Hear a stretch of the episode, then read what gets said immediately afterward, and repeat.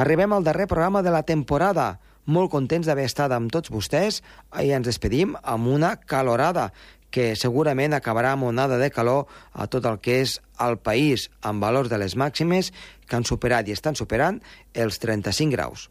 Comença el torn.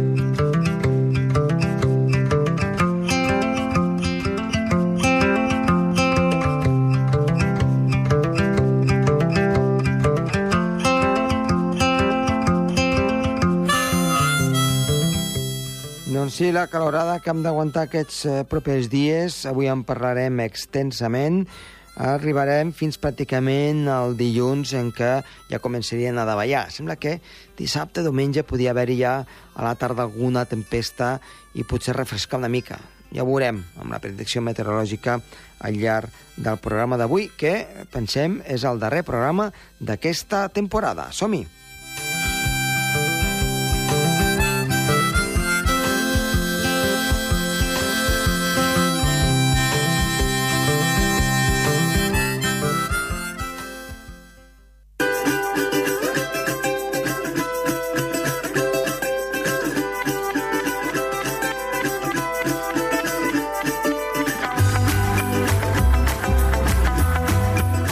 Iniciem aquesta calorosa tarda eh, fent, donant una salutació a en Gerard Tauler. Gerard, Hola, molt bona tarda, Josep Tomàs. bona tarda. Com va la calor? Mira, aguantant-la. Anar aguantant-la, eh? Déu-n'hi-do, eh? Escolta, i, i Sí. sí. avui dijous encara no hem arribat al, al màxim, eh? Que sembla que demà i encara dissabte Sí. té, la, té la marinera, eh? Sí, sí, veu una calor que arriba ben bé fins a Londres, eh? o Sí, sí. Una mica més al nord. Arriba a l'isoterma de 20, vull dir, hi haurà rècords a França, Espanya i Anglaterra. Sí, sí, i sobretot al sud de França. Portugal, Portugal no tant, perquè ja la borrasca els envia vent del sud, però Mhm. Itàlia, que- ai, del nord, a Itàlia, que amb vent del sud, déu nhi ja, ja, ja, ja al principi de mes ja van arribar a 38. Sí, sí, a, sembla que l'illa de, de Còrsega a, a França van arribar a 40 graus, eh, Ajaccio? Sí, sí, sí, van arribar a 40. Amb el sí, Sirocco? I El Sirocco, l'efecte Folgen... Sí, sí, sí. batllada és una, una situació extrema, eh? Extrema, sí, sí, aquest any... Aquest juny probablement serà dels més càlids de Còrsega i Sardenya. Uh -huh. Escolta'm, què, què, què, què està passant? Què ens ha passat?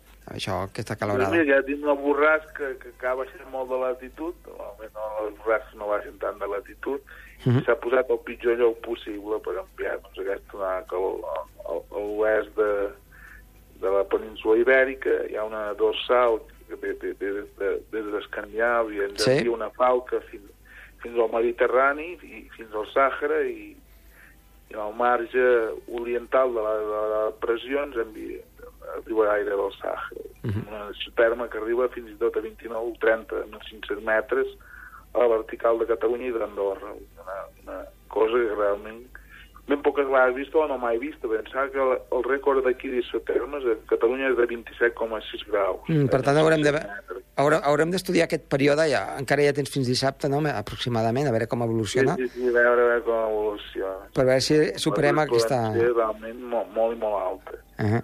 I amb el... Amb el... Sobretot en llocs allunyats del mar, perquè al mar, eh, com aquest mes, de moment tenen temperatures inferiors a les normals, probablement a prop de la costa les temperatures no seran tan altes. Sí. Però ja lluny de la influència marina, a l'interior i fins i tot al Pirineu, les Mhm. temperatures poden ser rècord. Uh -huh. Déu-n'hi-do, Déu-n'hi-do, déu nhi déu sí, d'aquí està apretant i força, i veurem si no s'acaben clar, produint... No, no, no, no us arriben marinades i... No, a veure s'acaba produint... eh, Aquí les temperatures, quan hi ha una entrada d'aire fred, ens puja, baixa molt, i quan hi ha una entrada d'aire càlid, ens puja, Sí, puja sobretot ràpid. als fons de vall, eh, que hi ha poca Noteu circulació. molt el, el, els canvis de massa d'aire aquí a Andorra. Molt, moltíssim, moltíssim. A l'alta muntanya, eh, Sí. pensa que, clar, em, farà uns 15 dies va nevar 30-35 centímetres. Sí, sí, sí, una, A 2.000 metres, un eh? canvi de, de temps molt, molt impressionant aquest mes de juny. Mes de juny per, per estudiar-lo i analitzar-lo. Uh -huh. Sí, sí, és, és, és un canvi, uns canvis que són veritablement brutals, eh? eh Brutal, brutal. Clar, po- pot, pot haver-hi una diferència de més de 40 graus eh, entre principi de mes i finals de mes, en, en Sí, certs sí, punts, eh? Una cosa increïble. Uh -huh. Gerard, Doncs res, que acabis de passar i comencis un bon estiu. Igualment, Josep Tomàs i tots els oients que tingueu un bon estiu. I igualment, ens retrobem la temporada Vinga. vinent.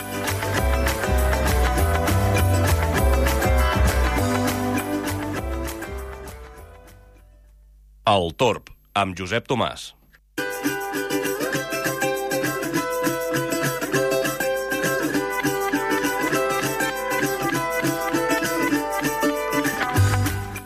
Continuem amb el programa i en aquest cas connectem amb Sergi Carceler. Sergi, bona tarda. Bona tarda. Avui vam deixar pendent eh, la setmana passada eh, de parlar sobre els boscos. De fet, eh, els boscos eh, en general de la zona europea. Sí, parlarem en general doncs, dels boscos de la zona europea, però també farem un petit incís als boscos que hi ha arreu del planeta Uh -huh. i quin paper tenen i també com estan evolucionant. Molt bé, doncs endavant. Doncs bé, eh, la zona europea, ja sabem, no? L'Europa és molt gran i realment alberga diferents tipus de boscos, eh? Boscos de pins, boscos de fagedes, boscos de... Bé, de tot tipus d'arbres que ens puguem imaginar i tots, evidentment, estan relacionats amb el seu clima corresponent. Uh, cal destacar que, sobretot doncs, a la península ibèrica, uh, una curiositat és que la zona d'Espanya ara mateix està en el rànquing de la, a la segona posició d'un dels països amb més boscos d'Europa, eh? Uh -huh. I mira que estem parlant de que Espanya realment és un país relativament petit, si ho comparem amb altres països com, per exemple, França o Alemanya, que són una mica més grans. Evidentment, també hi ha alguns països més petits, però, per exemple, una curiositat, Suïssa, un país que és relativament petit, aquest està en el rànquing número 1. O sigui que, imaginem-nos, eh, realment, si heu estat a Suïssa algun cop, uh Mhm. -huh. veureu que la gran superfície, la gran majoria de superfície, està composta per boscos. Boscos eh, de Pirineu, uns boscos molt semblants, per cert, als d'aquí a Andorra, Mm. eh, comparteixen una característica general, no? i és que tant els Pirineus com els Alps doncs, tenen aquest clima, que és un clima especial, un clima de muntanya, el qual doncs, també propicia que hi ha uns boscos eh, bé, en concret. Però cal dir eh, que s'ha parlat molt no, de que els boscos sempre han anat a la baixa, que cada cop hi havia menys boscos, que cada cop s'estava desforestant més el planeta, etc. Anem a comentar dues coses. La primera és que en el cas d'Europa no és cert, i és que Europa és el continent, per dir-ho d'una forma, l'únic continent en què els boscos estan augmentant. I això és cert, eh? Uh, aspectes generals, evidentment, hi ha països que no és així, que hi ha més deforestació, però pel que ve a ser la zona occidental d'Europa, zona d'Espanya, França, Alemanya, Dinamarca, etc. Tots aquests països que diríem que són els països desenvolupats, o els que porten més temps dins de la Unió Europea, uh, són uh, els països en els que està incrementant més el bosc. Estem parlant de que els últims 10 anys ha incrementat entre un 5 i un 6% la superfície de bosc. I això es deu principalment a que abans doncs, l'activitat agrícola era molt més potent que ara. Sí. Com sabem, no? A les zones desenvolupades cada cop la població s'està concentrant més a les grans ciutats i això fa de que molta gent que estava vivint als pobles i que segurament tenien com a feina l'agricultura, ara cada cop doncs, estan anant a la, bé, als serveis i això fa de que hi hagi molta agricultura que s'hagi abandonat i, per tant, els boscos tenen via lliure per anar creixent i anar engullint tots aquests camps de, de cultiu que abans hi havien i ara ja no. Déu-n'hi-do, déu nhi déu Per tant, eh, hi ha una, un increment de la massa forestal a tota Europa. Sí, a aspectes generals, cada cop hi ha més, hi ha més boscos. Uh, evidentment, a la zona del sud, eh, l'Europa de, del sud, en el qual uh, Andorra, la península Ibèrica, Itàlia, etc. aquestes zones són les que està augmentant més uh, la quantitat de boscos. Les altres zones més del nord, estem parlant de Noruega, Finlàndia, Polònia, etc. doncs són zones en què el bosc més o menys s'ha anat mantenint i és que tampoc està havent una deforestació en aquestes, en aquestes zones. Però anem a parlar d'un bosc que sí que mica en mica s'està deforestant i realment és molt important per, pel planeta Terra i segurament alguns ja sabreu quin és, el bosc Mhm. més important del planeta, que és l'Amazones. Sí? L'Amazones eh, estem parlant de... Eh, el 20% de la, dels boscos estan concentrats allà, a l'Amazones. Estem parlant del pulmó del planeta, Mhm. i sí que és veritat que hi ha un altre bosc que també és molt important, que és el que està situat a Centràfrica, eh? a la zona equatorial d'Àfrica. Allà també hi ha una zona d'extensos boscos equatorials i també fan de pulmó, però l'Amazones, el que nosaltres coneixem com el bosc més gran del planeta, segueix deforestant-se, sobretot doncs, per l'efecte de... Bé, els cultius que s'estan generant allà de- d'olis, eh, després també pel cultiu de cafè, també com hi ha tanta, tanta matèria no, morta allà, doncs també s'han creat, eh, s'ha creat molt de petroli al llarg dels, dels anys Mhm. i també s'ha fet servir una mica per doncs, l'extracció de petroli i de minerals fòssils en aquella, en aquella zona. Al final, doncs, els països com Brasil, Argentina, Venezuela, etc., doncs, eh, són països que estan utilitzant el bosc com a, com a, bueno, com, un, com una extracció de matèria i cada cop doncs, s'està deforestant més. Perquè tinguem una dada, eh? els últims 60 anys s'ha deforestat un 20% de la, de la superfície que hi havia en aquell llavors, Mhm. doncs en 60 anys un 20% ha desaparegut, a causa sobretot doncs, de totes aquestes extraccions mineres. Uh, sí que és veritat que cada cop hi ha més organitzacions no? que estan lluitant perquè es pari aquesta deforestació, encara que és un tema bastant difícil i és que hi ha molts països que estan involucrats, però bé, mica en mica, cada cop la gent s'està conscienciant més perquè també veuen que aquest, eh, aquesta deforestació està creant també un augment de les temperatures en aquella zona. En aquest cas, els últims 20 anys ha augmentat la mitjana un grau i també una disminució de pluges.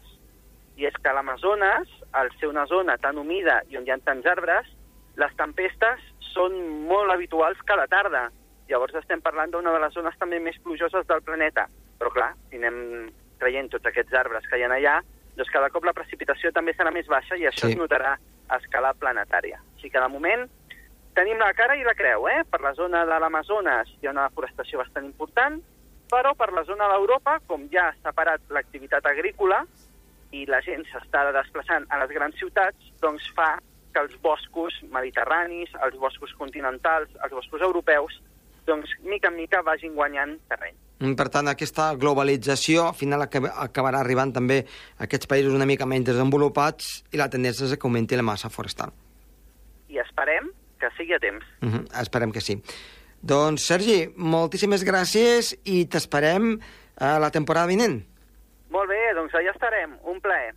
Igualment, adeu-siau. Adéu. Bo, bon estiu, adeu, adeu.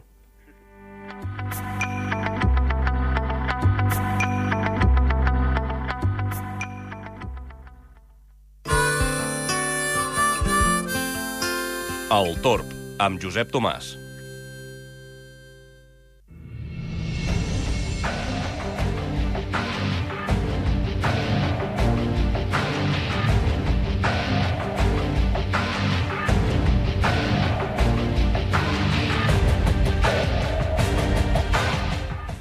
Aquesta setmana estem immersos en onada de calor, fins i tot aquí eh, al país, i per tant ho hem tractat davant en Gerard Tauler i ara ho anem també a continuar tractant amb David Comas. David, eh, molt bona tarda. Bona tarda, Josep.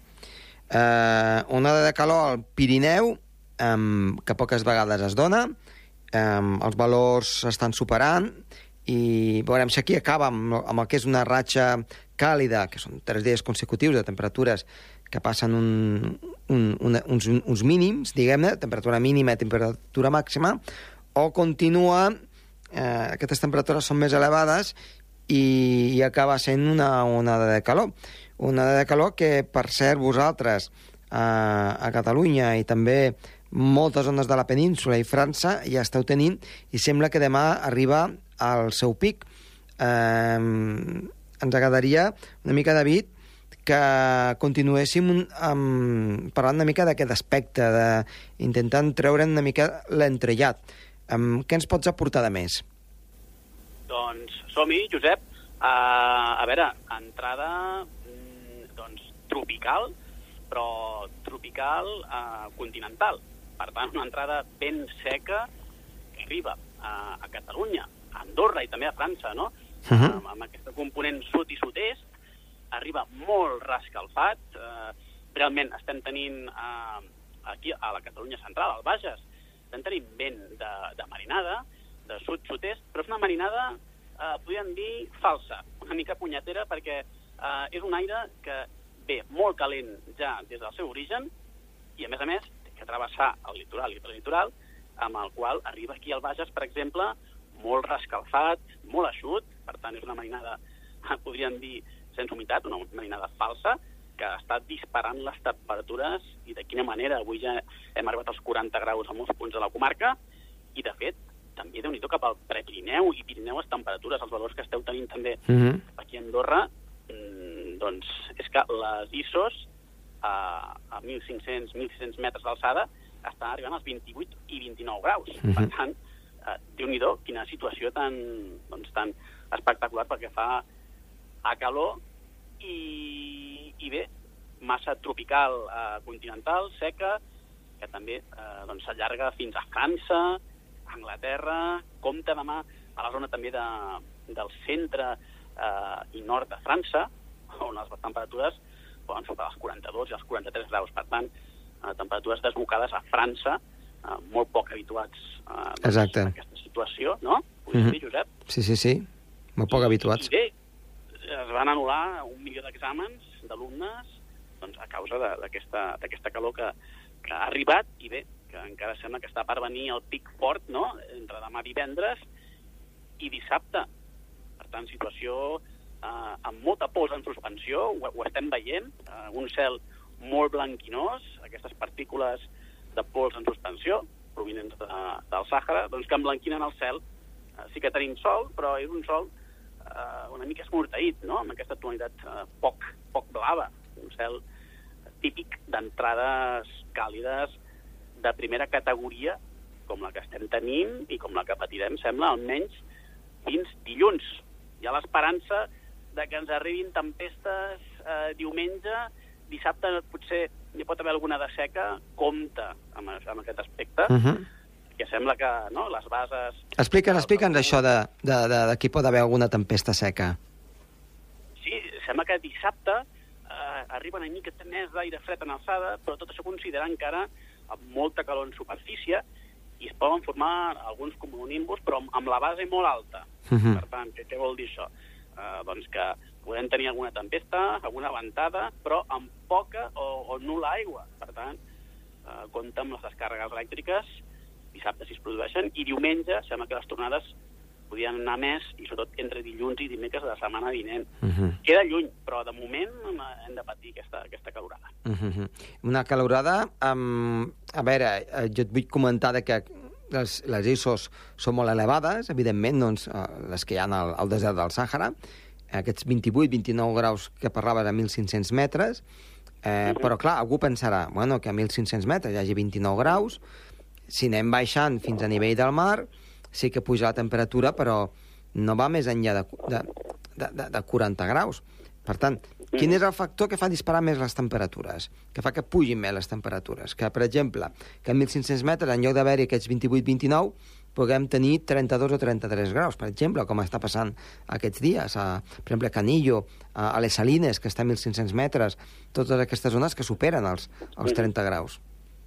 Doncs jo ho atribuiria doncs, a, fets locals, no? Uh -huh. a, a vents a, doncs, molt localitzats que fan pujar la temperatura amb diferències de, de, de pocs quilòmetres o fins i tot centenars de metres.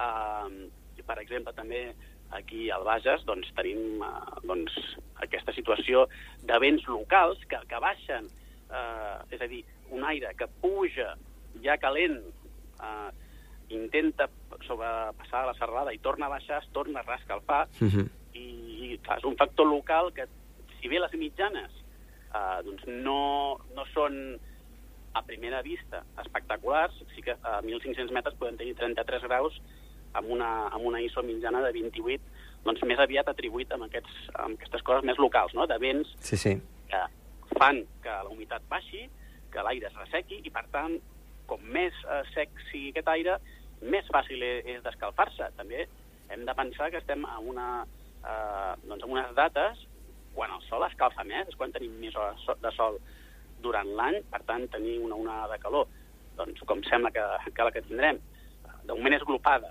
més endavant ja anirem onada, però bé, mm, tenim moltíssimes hores de sol i si tenim un baix nivell d'humitat, doncs la temperatura encara es dispara més, Clar, clar, clar. efecte lupa. Doncs, David, eh, moltíssimes gràcies per aquests apunts. Um, amb el que ens queda d'aquesta calorada, eh, ens haurem de refrescar força i a les hores de més intensitat doncs, estar ben arrecerats i passar-ho com, com puguem. Eh, doncs, que, sí, vagi, Molta precaució, sí. que vagi molt bé l'estiu i t'esperem la temporada vinent. Perfecte, Josep. Gràcies. Adéu-siau. Adéu, vagi bé.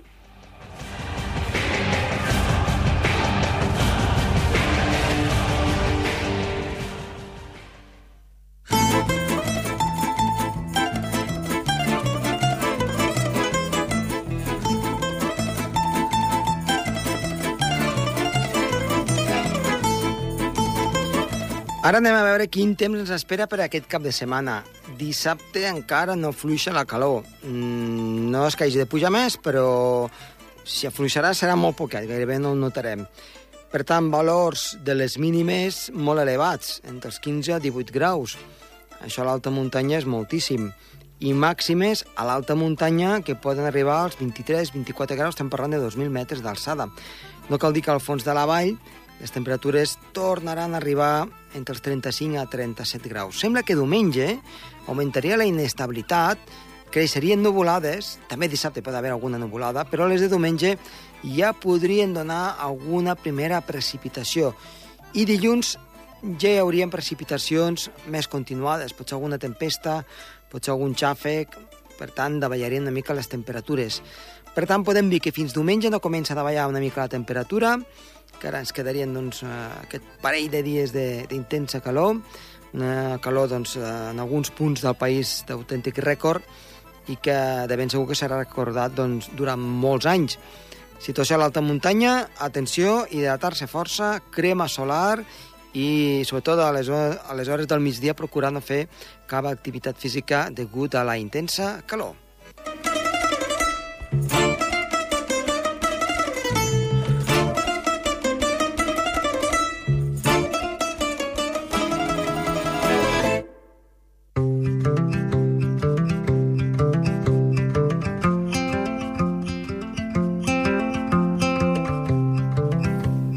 Acabem el programa d'avui. Tornem la temporada vinent, ja al setembre, després de Mary Chain. Ha estat a les de so, Toni Escur, i que els ha parlat amb molt de gust, Josep Tomàs. Adéu-siau, bon estiu.